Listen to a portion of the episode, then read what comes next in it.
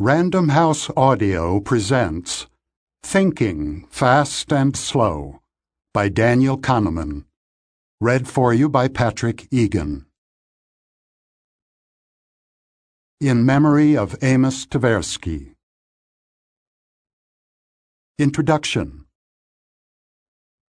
Every author, I suppose, has in mind a setting in which readers of his or her work could benefit from having read it.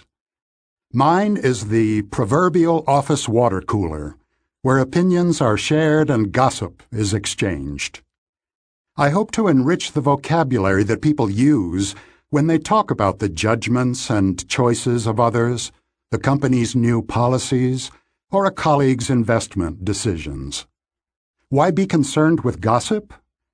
Because it is much easier, as well as far more enjoyable, to identify and label the mistakes of others than to recognize our own. Questioning what we believe and want is difficult at the best of times, and especially difficult when we most need to do it. But we can benefit from the informed opinions of others. Many of us spontaneously anticipate how friends and colleagues will evaluate our choices the quality and content of these anticipated judgments therefore matters.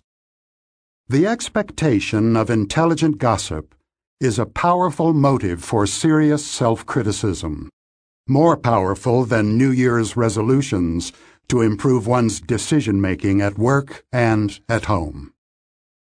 To be a good diagnostician, a physician needs to acquire a large set of labels for diseases each of which binds an idea of the illness and its symptoms, possible antecedents and causes, possible developments and consequences, and possible interventions to cure or mitigate the illness.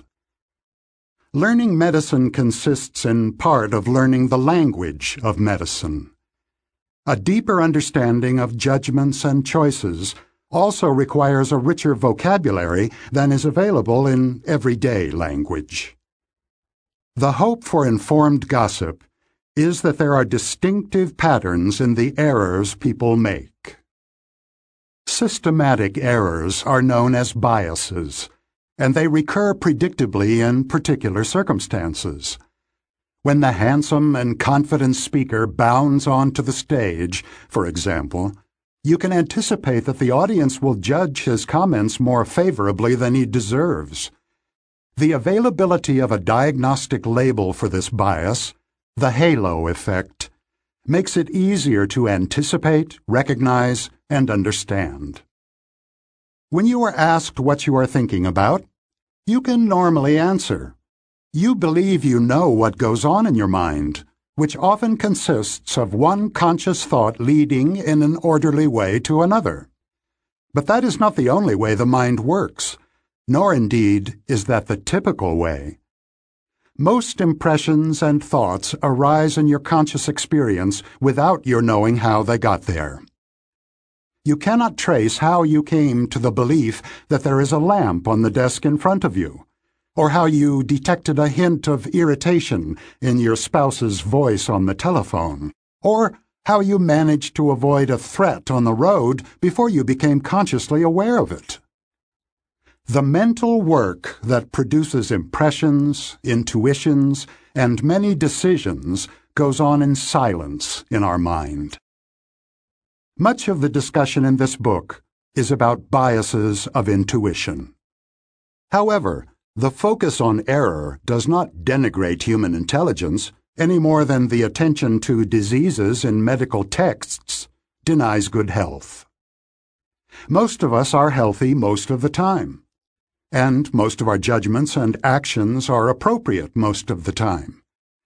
As we navigate our lives, we normally allow ourselves to be guided by impressions and feelings and the confidence we have in our intuitive beliefs and preferences is usually justified. But not always. We are often confident even when we are wrong, and an objective observer is more likely to detect our errors than we are.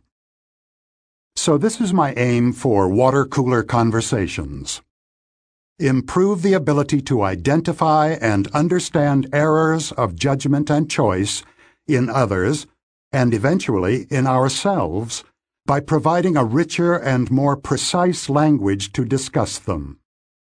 In at least some cases, an accurate diagnosis may suggest an intervention to limit the damage that bad judgments and choices often cause. Origins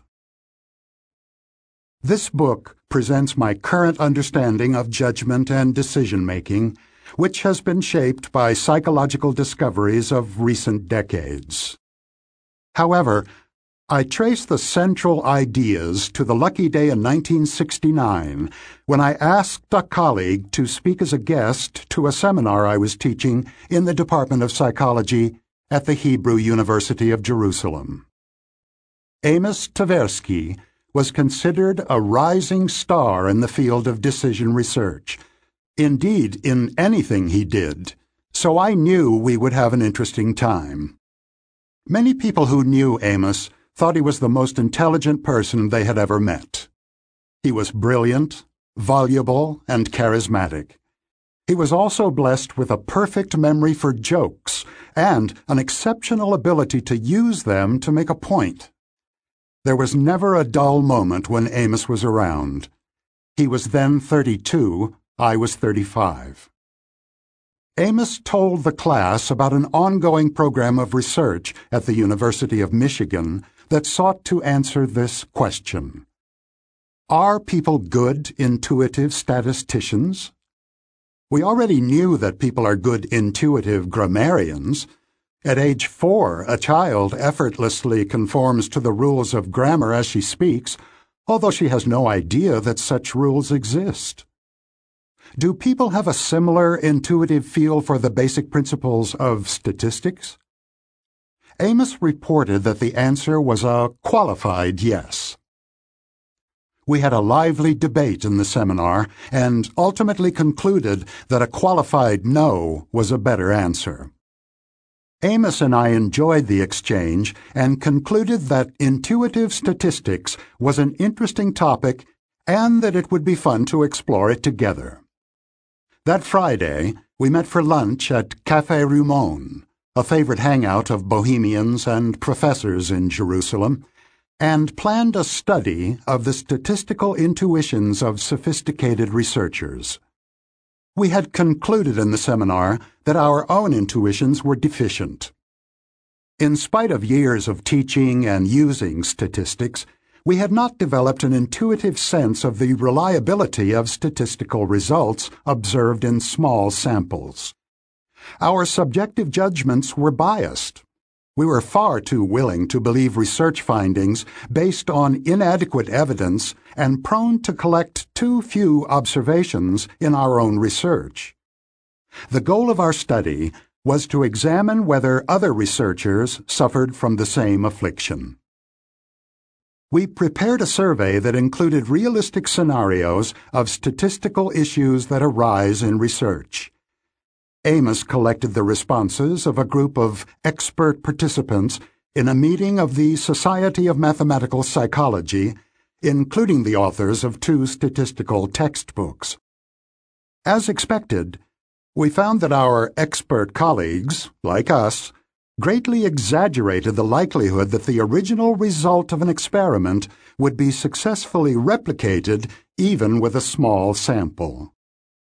They also gave very poor advice to a fictitious graduate student about the number of observations she needed to collect.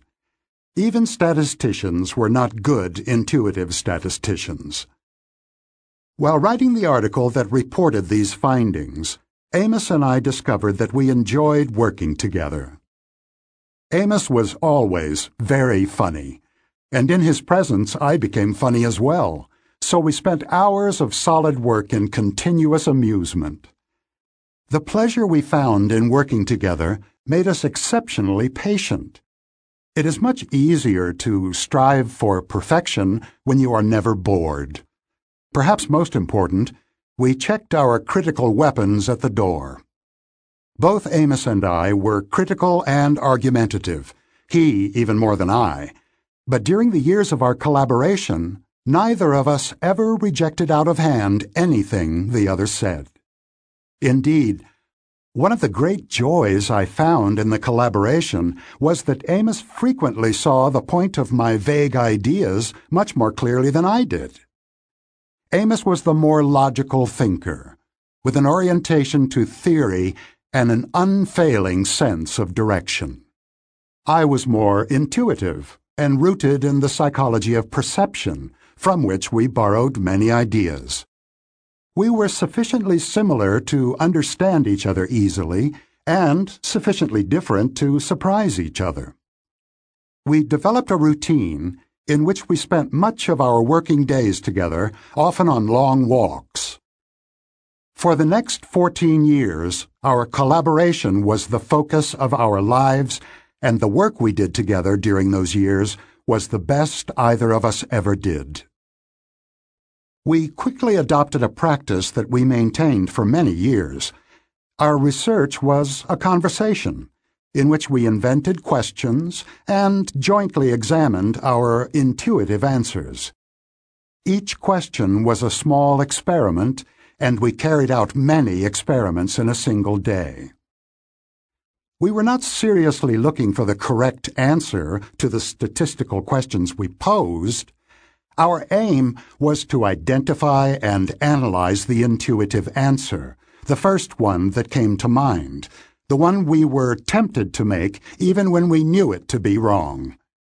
We believed, correctly as it happened, that any intuition that the two of us shared would be shared by many other people as well, and that it would be easy to demonstrate its effects on judgments.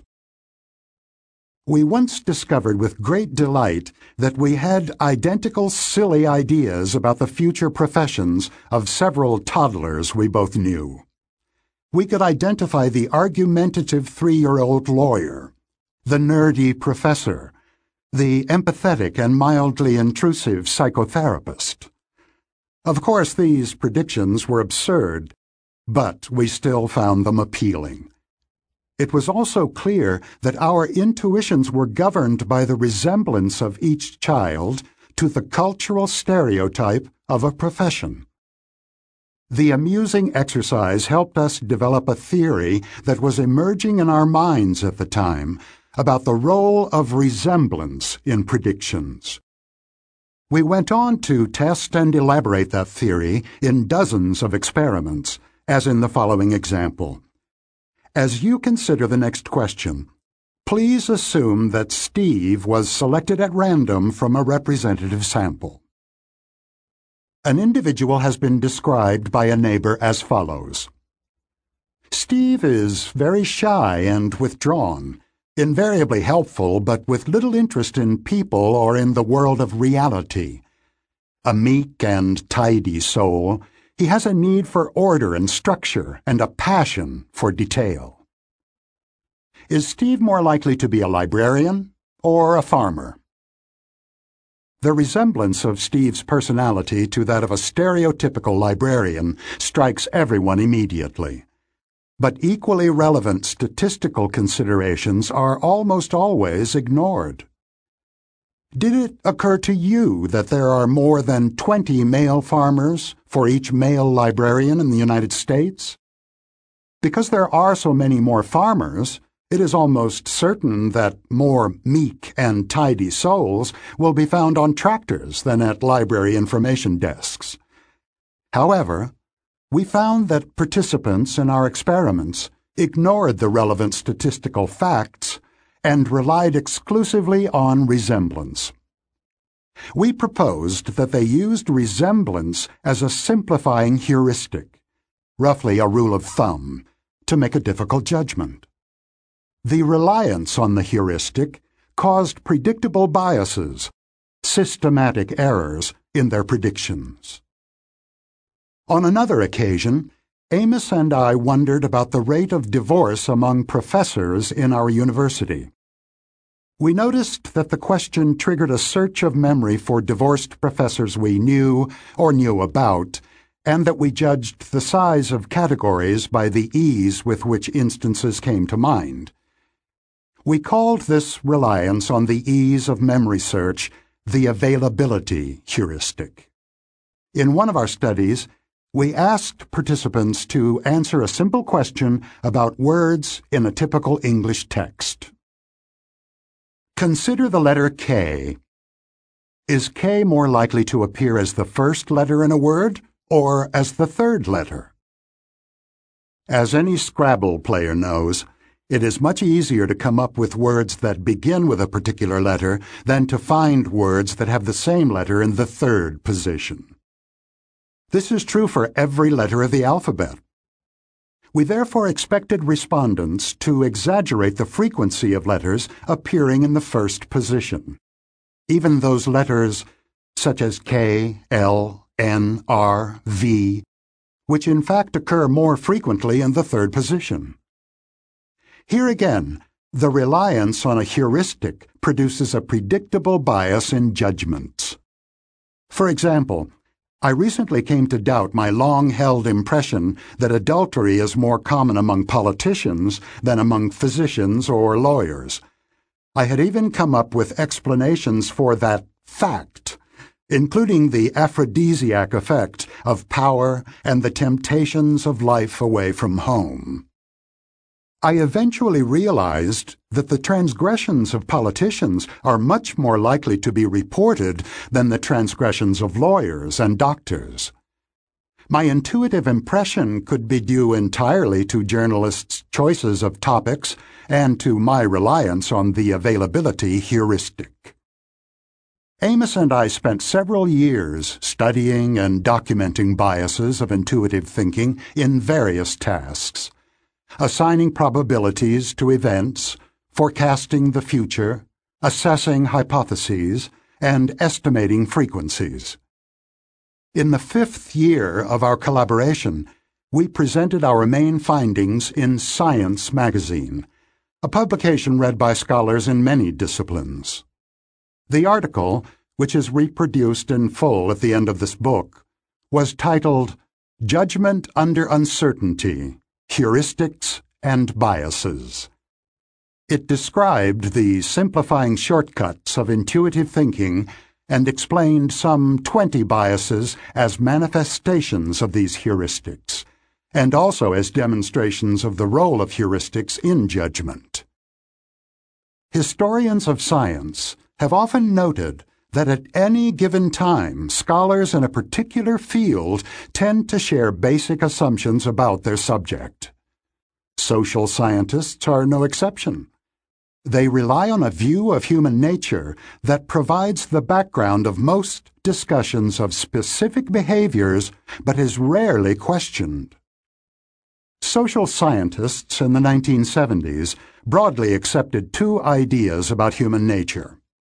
First, People are generally rational, and their thinking is normally sound. Second, emotions such as fear, affection, and hatred explain most of the occasions on which people depart from rationality. Our article challenged both assumptions without discussing them directly. We documented systematic errors in the thinking of normal people and we traced these errors to the design of the machinery of cognition rather than to the corruption of thought by emotion.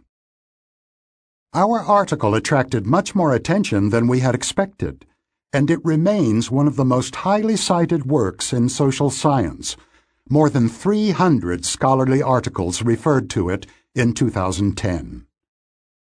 Scholars in other disciplines found it useful and the ideas of heuristics and biases have been used productively in many fields, including medical diagnosis, legal judgment, intelligence analysis, philosophy, finance, statistics, and military strategy. For example, Students of policy have noted that the availability heuristic helps explain why some issues are highly salient in the public's mind while others are neglected. People tend to assess the relative importance of issues by the ease with which they are retrieved from memory, and this is largely determined by the extent of coverage in the media. frequently mentioned topics populate the mind even as others slip away from awareness. In turn, what the media choose to report corresponds to their view of what is currently on the public's mind. It is no accident that authoritarian regimes exert substantial pressure on independent media. Because public interest is most easily aroused by dramatic events and by celebrities, media feeding frenzies are common. For several weeks after Michael Jackson's death, for example, it was virtually impossible to find a television channel reporting on another topic.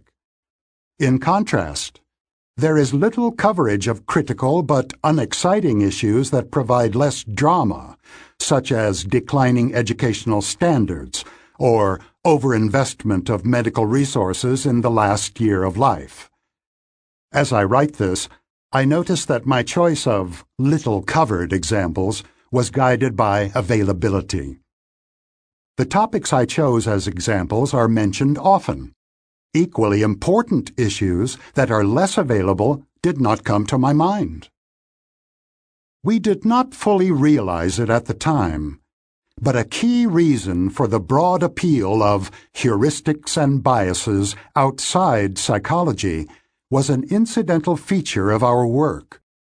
We almost always included in our articles the full text of the questions we had asked ourselves and our respondents.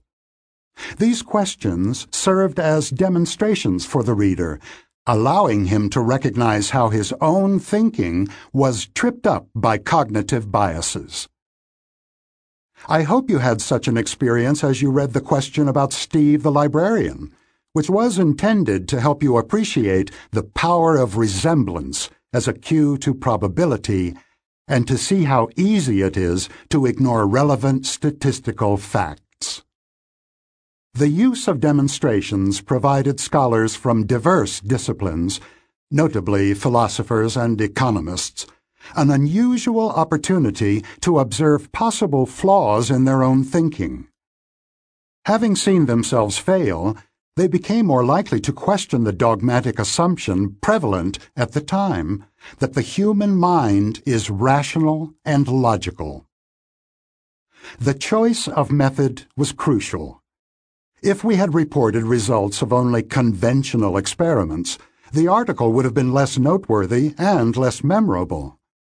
Furthermore, skeptical readers would have distanced themselves from the results by attributing judgment errors to the familiar fecklessness of undergraduates, the typical participants in psychological studies. Of course, we did not choose demonstrations over standard experiments because we wanted to influence philosophers and economists. We preferred demonstrations because they were more fun, and we were lucky in our choice of method as well as in many other ways. A recurrent theme of this book is that luck plays a large role in every story of success. It is almost always easy to identify a small change in the story that would have turned a remarkable achievement into a mediocre outcome. Our story was no exception. The reaction to our work was not uniformly positive. In particular, our focus on biases was criticized as suggesting an unfairly negative view of the mind. As expected in normal science, some investigators refined our ideas and others offered plausible alternatives. By and large, though, the idea that our minds are susceptible to systematic errors is now generally accepted. Our research on judgment had far more effect on social science than we thought possible when we were working on it. Immediately after completing our review of judgment, we switched our attention to decision making under uncertainty. Our goal was to develop a psychological theory of how people make decisions about simple gambles.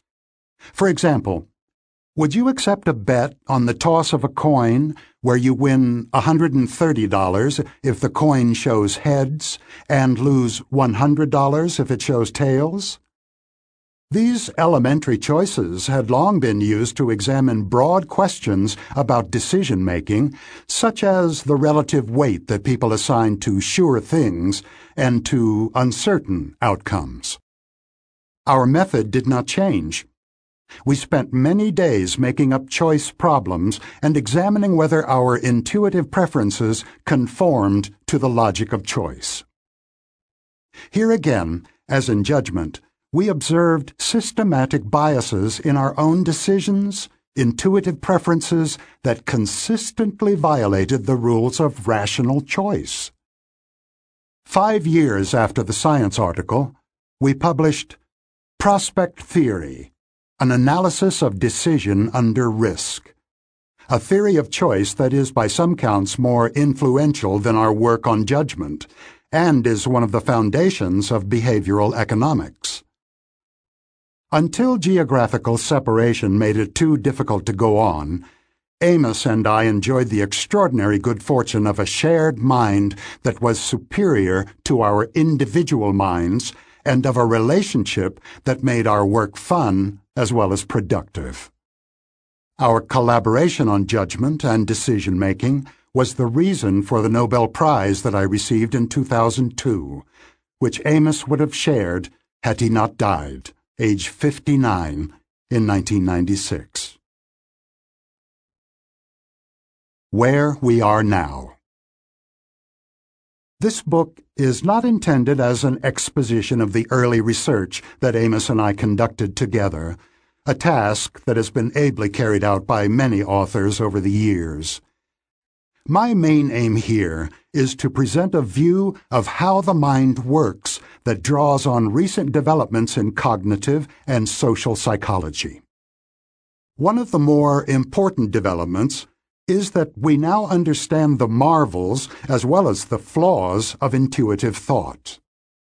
Amos and I did not address accurate intuitions beyond the casual statement that judgment heuristics are quite useful but sometimes lead to severe and systematic errors.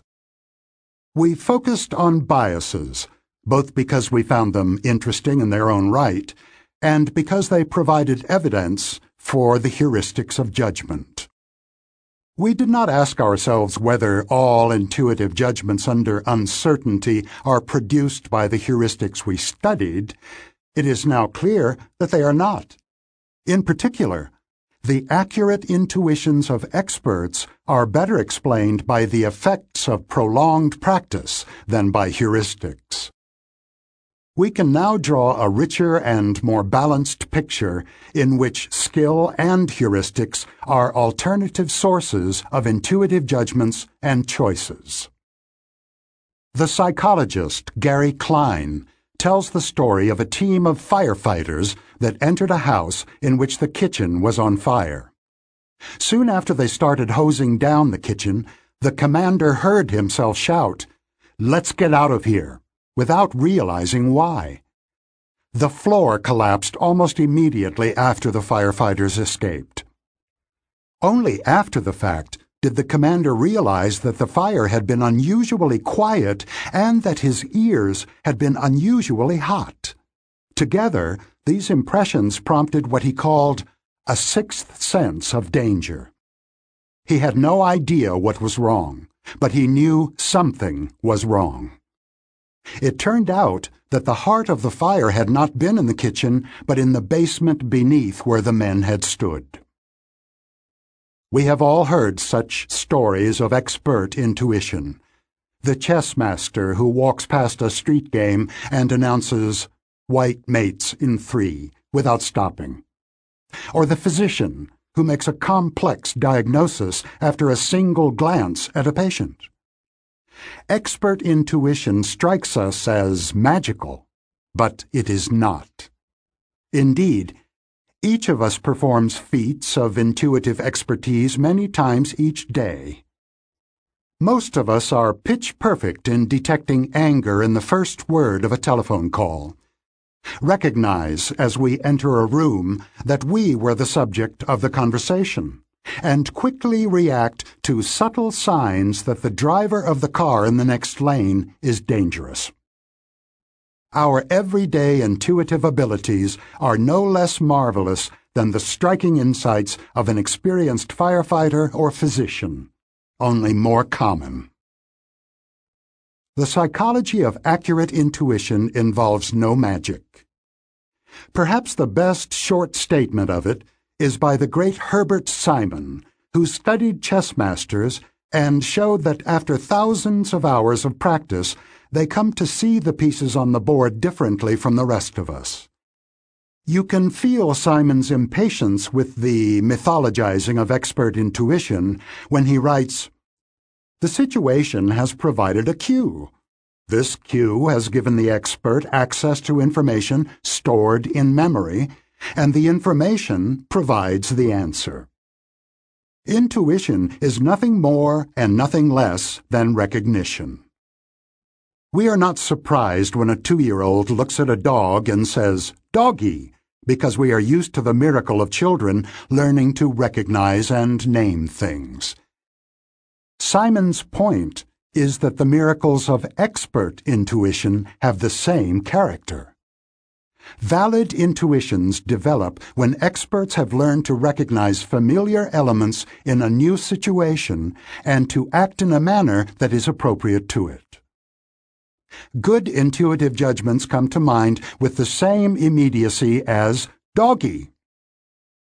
Unfortunately, professionals' intuitions do not all arise from true expertise. Many years ago, I visited the chief investment officer of a large financial firm who told me that he had just invested some tens of millions of dollars in the stock of Ford Motor Company. When I asked how he had made that decision, he replied that he had recently attended an automobile show and had been impressed. Boy, do they know how to make a car was his explanation. He made it very clear that he trusted his gut feeling and was satisfied with himself and with his decision. I found it remarkable that he had apparently not considered the one question that an economist would call relevant. Is Ford stock currently underpriced? Instead, he had listened to his intuition. He liked the cars. He liked the company, and he liked the idea of owning its stock. From what we know about the accuracy of stock picking, it is reasonable to believe that he did not know what he was doing. The specific heuristics that Amos and I studied provide little help in understanding how the executive came to invest in Ford stock, but a broader conception of heuristics now exists, which offers a good account. An important advance is that emotion now looms much larger in our understanding of intuitive judgments and choices than it did in the past.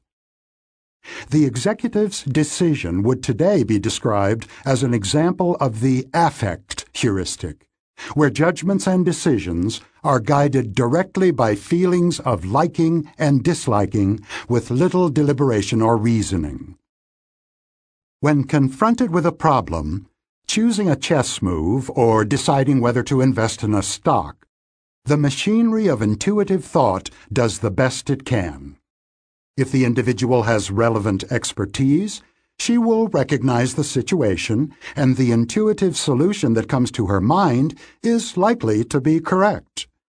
This is what happens when a chess master looks at a complex position the few moves that immediately occur to him are all strong. When the question is difficult and a skilled solution is not available, intuition still has a shot. An answer may come to mind quickly, but it is not an answer to the original question. The question that the executive faced, should I invest in Ford stock, was difficult but the answer to an easier and related question, do I like Ford cars, came readily to his mind and determined his choice. This is the essence of intuitive heuristics. When faced with a difficult question, we often answer an easier one instead, usually without noticing the substitution. The spontaneous search for an intuitive solution sometimes fails, neither an expert solution nor a heuristic answer comes to mind. In such cases, we often find ourselves switching to a slower, more deliberate, and effortful form of thinking. This is the slow thinking of the title. Fast thinking includes both variants of intuitive thought, the expert and the heuristic, as well as the entirely automatic mental activities of perception and memory.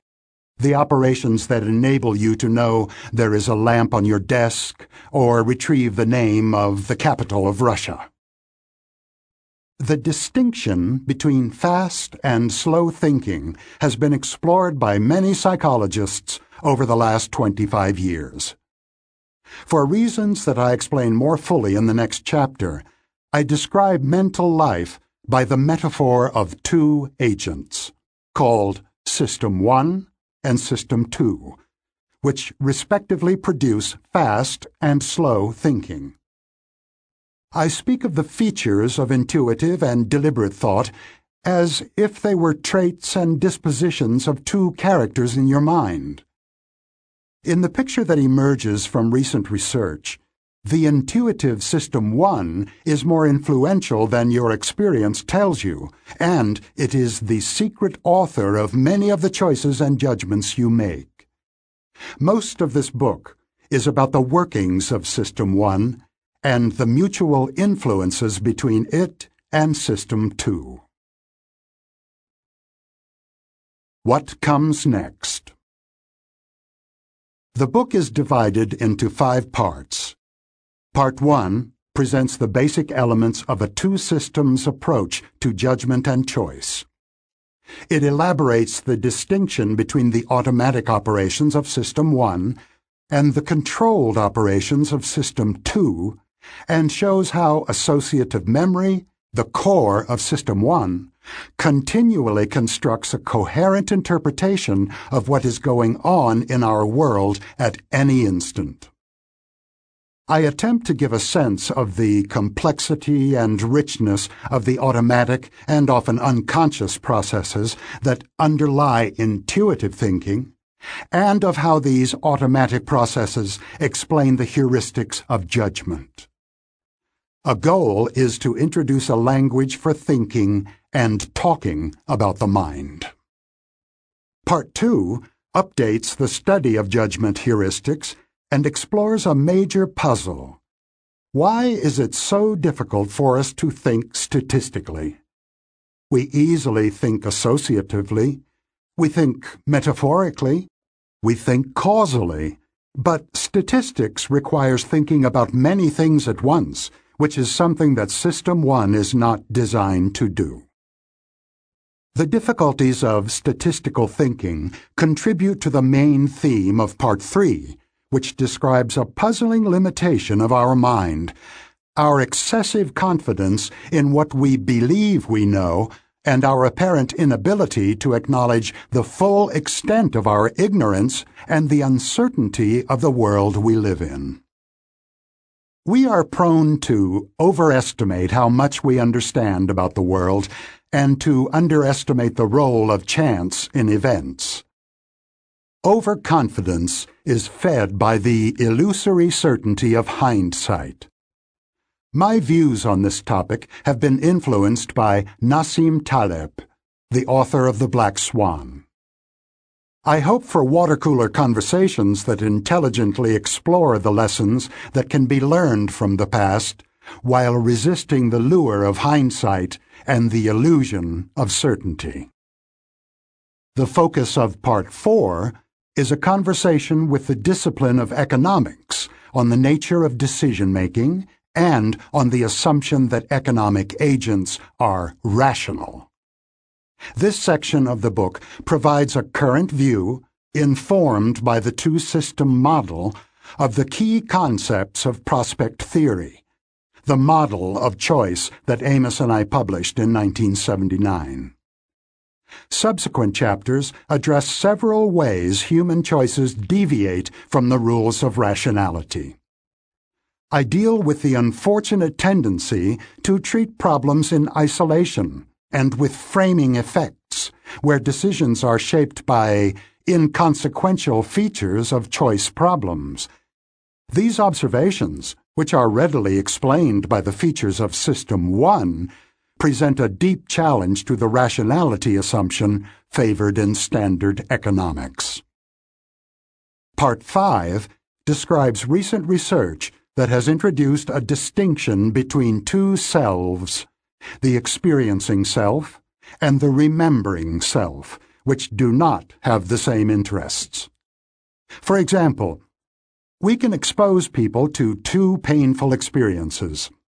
One of these experiences is strictly worse than the other because it is longer.